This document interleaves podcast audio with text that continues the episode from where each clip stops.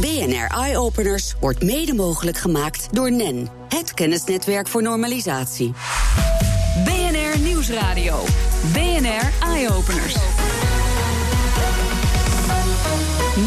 We zijn vandaag te gast in de Store of the Future... met allemaal mooie nieuwe innovaties voor de retail om ons heen. Vorige keer uh, van Quicks hebben we het gehad over wat nou, 2016 ons gebracht heeft. Onder andere uh, de, de Amazon Echo, hè, Alexa... waarbij je muziek kunt afspelen, maar ook uh, gewoon dingen kunt kopen. Er zijn nu ook wat andere merken bijgekomen. Google heeft zo'n vergelijkbaar apparaat. Maar nu gaan we even naar voren kijken. 2017.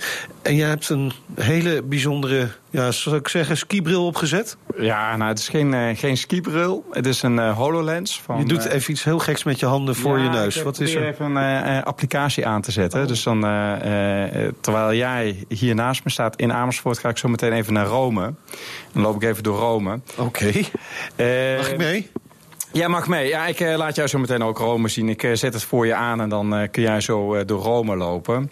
Maar wat je ziet met holografische projecties... ik verwacht eigenlijk dat dat wel eigenlijk de volgende stap is in virtual reality. Want dit is eigenlijk iets wat je in de omgeving kunt plaatsen. Dus niet zoals bij een virtual reality brilletje... dat je misselijk wordt. Tenminste, ik heb daar last van. ik weet niet hoe het bij jou is. Maar uh, uh, hier heb je het niet, want je ziet de hele tijd de omgeving. Maar dit is, is de HoloLens? Van Microsoft. En uh, wat ze daarmee doen, is dat ze projecties in, ja, in de omgeving plaatsen. En er wordt ondertussen ook tegen jou gepraat, hoor Ja, zodat ik uh, uh, alles voor jou aanzet. En dan kun je het zo meteen zelf even ervaren. Oké. Okay. En, en, je moet je voorstellen dat je straks uh, niet meer in een, op een website gaat kijken... maar dat je gaat ontdekken hoe het echt is. Ja, dus je kijkt niet meer naar platte foto's bijvoorbeeld of platte video... maar als je een hotel uitzoekt kun je bijvoorbeeld gewoon echt even in de kamer kijken. En ik krijg nu de HoloLens opgezet. En er wordt gezegd ciao tegen mij, zie ik. Even kijken hoor. Wauw. Ja, daar gaan we. You'd fit right in. In fact, rather than just staring at this painting, let's go see Rome in real life. We gaan uh, Rome in het... Wow, ja. Ik uh, ben nu op een terrasje. We're actually standing in Piazza Navona in Piazza Navona. Dat is ook wel lekker weer hier. Ik zal me bij je uh, afhalen dan. Ik kan hier wel een paar uur mee spelen, denk ik. Uh, misschien wel een paar dagen zonder dat ik meer ga slapen. Ja. Maar, maar, maar dit gaat... Uh, ja, de wereld veranderen is altijd een beetje overdreven. Maar dit gaat wel voor een revolutie zorgen? Ja, ik, ik denk als je bedenkt bijvoorbeeld kopen van auto's... kan ik me voorstellen dat je gewoon kunt ervaren... hoe zo'n auto er van binnen uitziet, van buiten uitziet. En dan, ja, het is net even één slag verder dan dat je uh, op een website ziet. Maar ook als je bijvoorbeeld een bed zou kopen bij Beter Bed... kan ik me voorstellen dat je dat straks uh, ja, hiermee in je slaapkamer kunt plaatsen. Echt kunt zien oh ja. hoe die echt past. Ja, met een auto kan ik me voorstellen dat je die toch nog echt wel zelf ook wil rijden even. Maar zo'n bed inderdaad even plaatsen in je slaapkamer, dat is wel inderdaad Ja, maar het is, het is vooral die ervaring die daarvoor zit. Hè. Dus dat je, uh, kijk, snap dat je nog in die auto gaat rijden. Maar nu zit je, je oriëntatiefase is nu op de website. En straks is die oriëntatiefase uh, misschien wel bij zo'n holografische bril. En de proefrit is dan eigenlijk alleen maar een bevestiging... wat je al met al die holografische ja. bril hebt ervaren. Ja, ja en een uh, andere uh, slag die wij verwachten is eigenlijk dat... Ja, kunstmatige intelligentie, artificial intelligence... dat die echt de winkel inkomt. En we hebben zelf een voorbeeld met een robot. Laten we even gaan kijken, zou ik zeggen. Ja, nou, dat gaan we zeker doen. Oké Frank, we hebben de HoloLens meegemaakt. Ik ben in Rome geweest, hartstikke mooi op het terrasje gezeten daar. Maar we gaan nu weer uh, de winkel in. Een andere innovatie waar we komend jaar mee te maken gaan krijgen... is Artificial Intelligence. En wij hebben hier een uh, bevallige dame voor ons staan, maar ze is wel een robot. Wat gaat zij doen? Nou, deze uh, robot die helpt vooral dames bij het kiezen van de juiste producten. En een van de uitdagingen voor vrouwen is omdat ze allemaal een andere lichaams lichaamsbouw hebben, dat je eigenlijk alleen die kleding wilt hebben die ook echt past bij jouw lichaamsbouw. En dat je dus niet meer de verkeerde spulletjes koopt. Kijk aan. En dat kan nog wel eens per merk verschillen. En deze robot gaat daar dus bij helpen. Ja, en eh, niet alleen eh, bij, eh, per merk, maar het is echt gewoon op basis van hoe een eh, product eh, eh, eruit ziet en ook hoe jouw lichaamsbouw is. De bedenker van deze robot, Wiegert Akkerman van Curve Tips. Wiegert, eh, kom er even bij. Om te beginnen, hoe heet ze? Deze robot heet Tiki. Dit is een robot, zijn we nu eh, in een klein jaartje mee bezig geweest in deze ontwikkelen. We zijn nu net op het punt dat we, dat we iets hebben dat we heel graag willen laten zien aan mensen. Dus het idee hier is dat het echt een retail robot is. Zoals je ziet, het is niet zoals de meeste robots. Het ziet er heel mechanisch uit of een doos op wielen. Het is echt een beetje vrouwelijk, het is leuk, het is aantrekkelijk. Dus het trekt mensen aan. En vanaf daar gaan we verder om ze echt eh, een altijd heel persoonlijk advies te geven. Dus we willen graag dat iedereen echt de kleding kan vinden die, die goed bij ze past en waar je goed van voelt. En daar willen ze mee helpen. En die robot is een stap in dat traject. Ja, nou ben ik natuurlijk geen dame, maar zullen we toch proberen om eh, een adviesje te krijgen van eh, Tiki? Ja, zeker. De manier waarop ons systeem werkt is dat het, het gaat altijd via je mobiele telefoon. Ehm, kleding ehm, is natuurlijk altijd heel persoonlijk iets. En als we je echt goed advies willen geven, dan moeten we ook iets over jou weten. Iets over je lichaam, je lichaamsbouw. En van jij vindt van je lichaam van ah, ik vind dat, dat dit een beetje geaccentueerd wordt. Of dat hier juist de aandacht weggetrokken wordt. Dat ik niet helemaal tevreden ben met mijn buik of met mijn benen, om maar iets te noemen. We kijken vervolgens naar de kledingstukken. Van elk kledingstuk doen we een vrij uitgebreide analyse. Krijg naar een paar honderd dingen. Waar zitten de knoopjes, de ritsen, de kleuren, de neklijn. En dat gaan we dan naast elkaar leggen. En dan gaan we echt kijken van wat past nou echt bij jouw lichaam. Op basis van wat je mij hebt verteld, heb ik een paar artikelen uitgezocht die helemaal bij jou passen. Nou, wat ik hier bijvoorbeeld zie, is op mijn telefoon uh, krijg ik ook meteen het artikel te zien. Dus hij heeft hier voor mij een drawstring bolero top uitgezocht. Staat je vast schitterend. Het is, ja, op mijn mannelijke lichaam zal het heel goed staan. Um, maar het mooie in ons systeem is dat we niet alleen vertellen... dit past heel goed bij je, maar we kunnen ook uitleggen waarom. Dus ik krijg hier bijvoorbeeld de uitleg dat dit, uh, dit ontwerp... dat past heel goed bij de lijnen van mijn lichaam.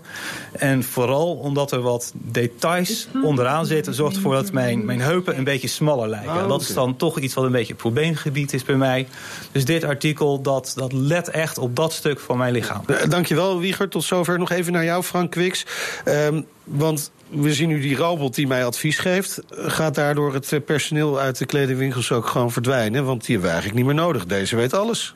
Nou, nee, het is niet dat uh, personeel uit de kledingwinkels gaat verdwijnen. We gaan hem wel uh, testen in Amsterdam in de Beethovenstraat. We zijn nog bezig met een, uh, een retailer daar. maar ik denk dat we dat redelijk snel kunnen gaan doen. Dan gaan we ook uitproberen hoe het werkt. En waar het eigenlijk het grootste effect straks gaat hebben... als je weer teruggaat naar datzelfde bedrijf, maar dan op de website... dat je dan alleen nog maar uh, die modellen voorgeschoteld krijgt... waarvan je zeker weet dat ze je goed staan. En dat is denk ik uh, de grootste winst. En daar zit ook gewoon uh, qua conversie, dus dat je het koopt... En de kans dat je het terugstuurt. Nou, precies. Want dat is natuurlijk wat er heel veel op dit moment gebeurt. Mensen kopen online kleding en die blijkt thuis toch niet lekker te zitten, niet goed te staan. En het wordt allemaal teruggestuurd. En, en dat is hiermee niet meer nodig, dus. Nee, want uh, je gaat straks krijgen. Kijk, er zal nog steeds een deel teruggestuurd worden. Maar je moet nu bedenken dat dat tussen de 30 en 60 procent is bij uh, uh, retailers. als je het over kleding hebt. En dat, dat gaat straks echt gewoon gigantisch terug. Hè. Ik denk dat je dan nog misschien 5 of 10 procent terugkrijgt. En jullie starten dit jaar, 2017, pas net begonnen. Dus een proef in de Beethovenstraat in Amsterdam. Maar uh, hoe hard zal dit gaan? Wanneer uh, kunnen wij in bijna elke winkel zo'n robot tegenkomen? Nou, ik denk dat dat nog wel even uh, duurt dat, uh, voordat we uh, zo zoveel... Kijk, dit is echt helemaal het begin van ja, de levenscyclus. Hè. En nou, we, we houden jullie gewoon op de hoogte zodra we resultaten hebben. Dankjewel Frank Kwiks en Wiegert Akkerman. Ik hoop dat je blij bent. Het is mijn taak om uit duizenden artikelen de kleding uit te zoeken die precies bij jouw lichaam past. BNR Nieuwsradio. Meindert Schut. We hoorden net al wat ons allemaal te wachten staat in de retailsector, maar ook in de postsector zouden we wel eens een verschuiving kunnen gaan zien volgend jaar. En dat heeft alles te maken met stempelen. Martijn de Rijk die ging op bezoek bij Cent, waar ze verwachten dat ze het PostNL in 2017 heel moeilijk gaan maken. Hopsa. En er staat een prachtig eh, stempeltje op. Nou, uh, dit is hem dan, die uh, prachtige frankeermachine. Staat natuurlijk op de plek waar je hem verwacht, bij de balie van het bedrijf. Op weg naar buiten. En zo moet hij straks in heel Nederland gaan staan, René van der Hulst. Ja, dat hoop ik wel, ja. We zijn vanaf mei begonnen met een pilot te draaien. Dus nu kunnen we landelijk gaan uitrollen. Dus we hopen van de 35.000 klanten die een frankeermachine hebben in Nederland... dat zij ja, zo snel mogelijk gaan kiezen voor een cent frankeermachine. Uh, het is tot nu toe altijd uh, verplichte winkelnering geweest bij PostNL, hè, begrijp ik. Ja, omdat uh, Cent is gestart uh, 16 jaar terug in de, zeg maar bij de grotere klanten, bij het grotere volume. Dus we vonden het tijd dat wij ook de MKB-markt ingingen. En daarvoor gekozen voor een frankeermachine die het voor ons bij de MKB-klanten een stuk makkelijker maakt. Ja, hoe, hoe, ziet het er dan uit voor een MKB'er die zegt van PostNL, ik ben zat en bovendien bij cent betaal ik minder. Hè? Dat is ook eventjes belangrijk. Ja, ja, zoals je ziet op de afdrukken staat er 45 cent. Oh ja, dat scheelt, ja. Dus uh, wij bezorgen twee dagen in de week. We hebben wel andere propositie als, uh, als PostNL. Want die doen het vijf dagen in de week? Die doen het vijf dagen in de week. Wij kiezen voor een muurkast. Dus de klant uh, krijgt een kast aan de muur te hangen aan de weg. Kan zelf bepalen wanneer dat hij het in de kast doet. De basis is de frankeermachine. Voordeel van de frankeermachine is dat, daar, dat die frankeert en daarmee ook data opslaat eh, waar we mee kunnen factureren. En het lijkt me ook een, een ding waar je in de toekomst ook nog van alles mee kunt. Want uh, ja, eh, we zijn tegenwoordig elektronisch en zo, hè? Ja, ja, ja. ja dat, klopt. Uh, de frankeermachine, er zit zoveel software in... waar zoveel die nog zoveel mogelijkheden biedt. En op het moment dat we een aantal machines hebben staan in Nederland... dan gaan wij met de klant in gesprek, kijken waar ze behoefte aan hebben. En dan gaan we het verder ontwikkelen. En dan gaan we echt aan in innovatieve kant uh, vanuit de frankeermachine werken. Waar denkt u aan? Nou, je kan uh, uh, denken dat, er, uh, dat een klant op een andere manieren wil frankeren. Niet alleen alle poststukjes, maar misschien een, maar met een grotere bulk in één keer. Gewoon even een kuub pakjes wegzetten. precies. vanuit de data heb je, kan je ook adresgegevens binnen, binnenkrijgen. Maar voor jullie vooral ook ontzettend handig lijkt. Want dat betekent dat je al weet, uh, uh, nog voordat het in de brievenbus zit, uh, waar de post naartoe moet. Ja, ja, sterker nog, die gegevens kunnen dan doorgezet worden op bezorgersniveau. Dat we precies weten, als er een aangetekend stuk is... dan weet de klant al heel vroeg van tevoren, of de bezorger heel vroeg van tevoren... hier komt een aangetekend stuk. Dus alle data die we eruit kunnen halen... Ja, moeten ons helpen om het proces uh, uh, efficiënter te maken. Ja, misschien moeten jullie dan wel op een gegeven moment 43 cent gaan, uh, gaan stempelen. Nou ja, weet je, als het, als het allemaal goedkoper kan... Nou ja, dan, dan ja, is het voor ons geen noodzaak om maar structureel te blijven verhogen. alleen van de andere kant het, moet wel, het moet wel goed gebeuren. En straks kijken we vooruit met de TU Delft. Wat gaat het in 2017 helemaal maken? BNR Nieuwsradio. BNR Eye Openers. We kijken in deze eerste uitzending van het nieuwe jaar vooruit. Welke innovaties gaan het komend jaar helemaal maken? Carlijn Meinders die sprak met professor Deborah Nas van de TU Delft. Ik verwacht 2017 heel veel innovaties die uh, de manier waarop wij met producten en diensten interacteren totaal veranderen. Um, een grote ontwikkeling daarvan is het gesproken woord. En dus in plaats van dat je interacteert met een scherm of een toetsenbord of een apparaat, dat je gewoon tegen uh, dingen kunt spreken. Um, en daar hebben we de afgelopen jaren al meerdere innovaties van gezien. Dus Siri op de, op de Apple-telefoon, de iPhone, is al in 2011 geïntroduceerd. Uh, maar begint nu technologisch gezien wel grote stappen te maken naar echt goede toepassingen. Uh, afgelopen jaar zagen we Google Home. Uh, op dit moment heeft Facebook een Jarvis aangekondigd waar ze aan werken. En het zit allemaal in de hoek van personal assistance of digital assistance.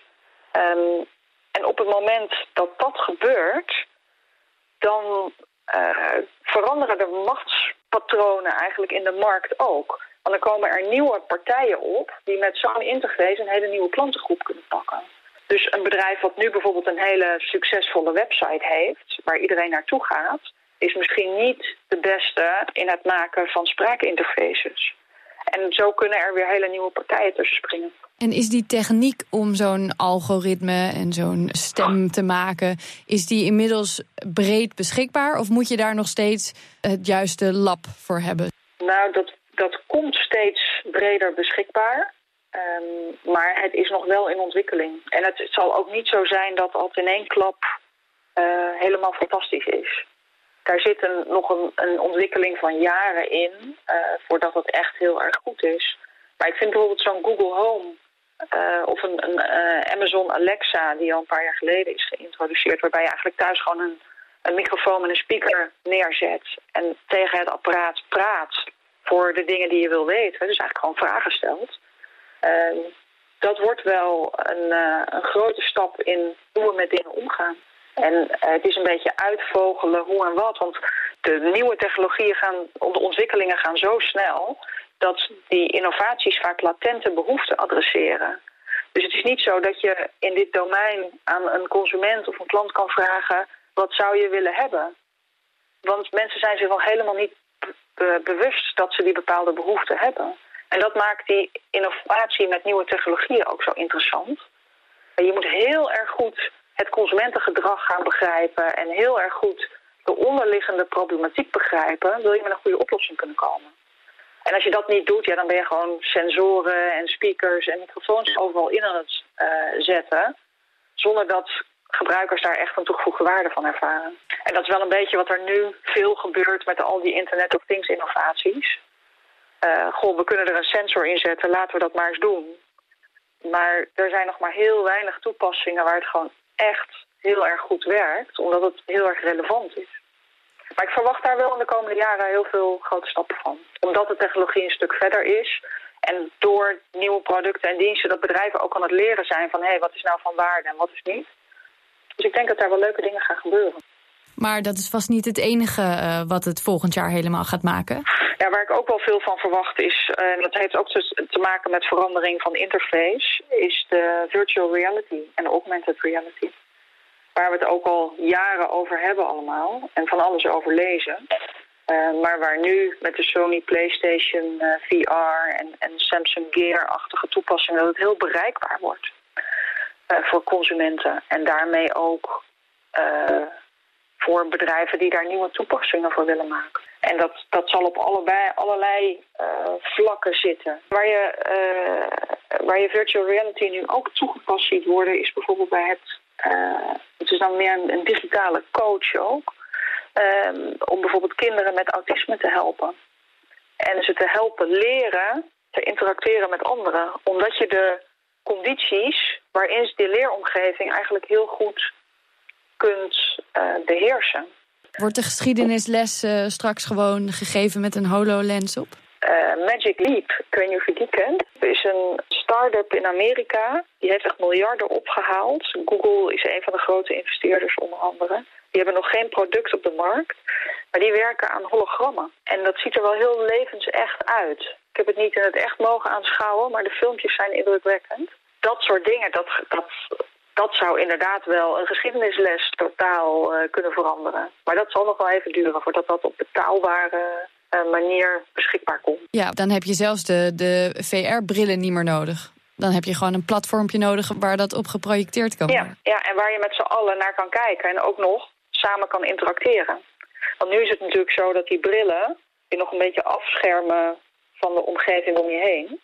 Wat ook zo zijn voordelen heeft, want zo kan je helemaal in die omgeving onderdompelen. Uh, maar die hologrammen die hebben eigenlijk een hele andere functie. Dat is iets waar je gezamenlijk naar kan kijken en mee, in interactie mee kan hebben. Ook daar geldt, met dit soort hele nieuwe technologieën... die ook heel abstract zijn en soms moeilijk te begrijpen... is het soms lastig om nu al te bedenken wat nou echt die killerfunctie wordt. Maar die gaan wel ontdekt worden. En dat is natuurlijk ook het leuke van innovatie. Je weet nooit precies wat de toekomst je brengt. BNR Nieuwsradio. BNR Eye-Openers. En zoals altijd sluiten we de uitzending af met Elger van der Wel, hoofdredacteur van Numbers.nl. Hij houdt voor ons de innovatie-nieuwtjes uit het buitenland in de gaten. En vandaag kijken we een keertje wat verder vooruit, Elger. Wat gaat er in 2017 allemaal gebeuren? Wat gaat het nou echt helemaal maken? Wat komt ons leven binden, denderen, Elger? Wat moet iedereen hebben? Nou, jij uh, weet het. Nou, kunnen we het over, kunnen we het over ongeveer een jaar bespreken? Dan heb ik denk ik een goed beeld. Uh, nee, ja, het is altijd moeilijk te voorspellen, maar uh, eigenlijk voortkomend uit wat we in 2016 zagen en wat eigenlijk nooit op die manier echt wordt besproken in, in de brede media. Wel voorbeelden van, maar dat is kunstmatige intelligentie. Ja. Daar horen wel dingen over. En vooral in de vorm van concrete voorbeelden. Het gaat over robots die banen overnemen en zo. Ehm, we hebben het gehad over chatbots vorig jaar. Nou, eigenlijk komend jaar zal die ontwikkeling alleen nog maar eh, verder verspreiden. En zullen we steeds meer mooie voorbeelden gaan zien, denk ik. Maar hoe gaan we dat dan zien? Wat, wat komt ons leven binnen met kunstmatige intelligentie? Nou ja, ik denk sowieso wat ik zeg, eh, chatbots is een mooi Ja, ja, ja, voorbeeld. ja. Eh, Die vrij echt steeds slimmer. Ja, het is een vrij simpele voorbeeld van, eh, simpel voorbeeld van kunstmatige intelligentie. Je hebt gewoon een, een, een chatbot waar je mee praat en die kan redelijk herkennen eigenlijk taal en kan daarop reageren automatisch. Het systeem leert ook als heel veel gebruikers hetzelfde soort taal gebruiken en hij snapt het niet, dan gaat hij het wel snappen. Ehm, eigenlijk alle grote techbedrijven hebben platforms gemaakt om dat te doen. Facebook is daar een mooi voorbeeld van met hun Messenger-app. Ontwikkelaars kunnen die chatbots gaan maken. Je ziet wel dat er wat gebeurt, maar het is vaak nog heel dom eigenlijk. Het Ja. is gewoon op een bepaald commando is een bepaalde reactie. Maar je ziet wel dat er steeds meer moeite wordt gedaan, juist met echt kunstmatige intelligentie, om dat, om dat slimmer te maken. Dus dat is een voorbeeld. Een heel ander voorbeeld is toch meer echt de fysieke robots. En dan moet je ook niet meteen denken aan robots die bij ons in huis eh, als een butler gaan werken. Oh nee, ach, Eh, jammer. nee, ja, helaas. Misschien komen ze wel, maar heel veel mensen vinden dat ook een eng idee. Volgend jaar kerst, zou mooi zijn. Ja, ik vrees dat het eh, net niet haalbaar is. Het kan, weet je, ze zijn er al Ja. wel. Maar eh, ik denk een, een, een, heel mooi voorbeeld van ja, de robot is eigenlijk een zelfrijdende auto. Het is eigenlijk een robot. Nou, daar hebben we in 2016 superveel voorbeelden Ja. van gezien. 2017 gaan we denk ik alleen maar meer zien.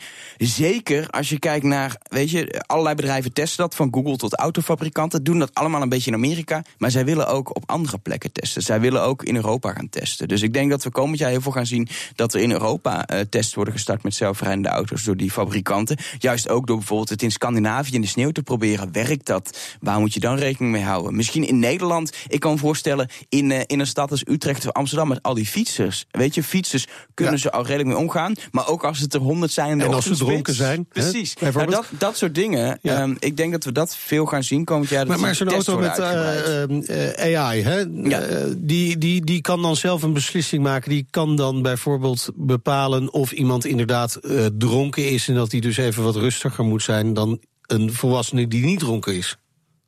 Ja, in theorie, in theorie wel. Ja, en die kan dus ook dan rijden waar die nog nooit gereden heeft. Nou ja, eh, wat, wat je nu heel veel ziet, de techniek.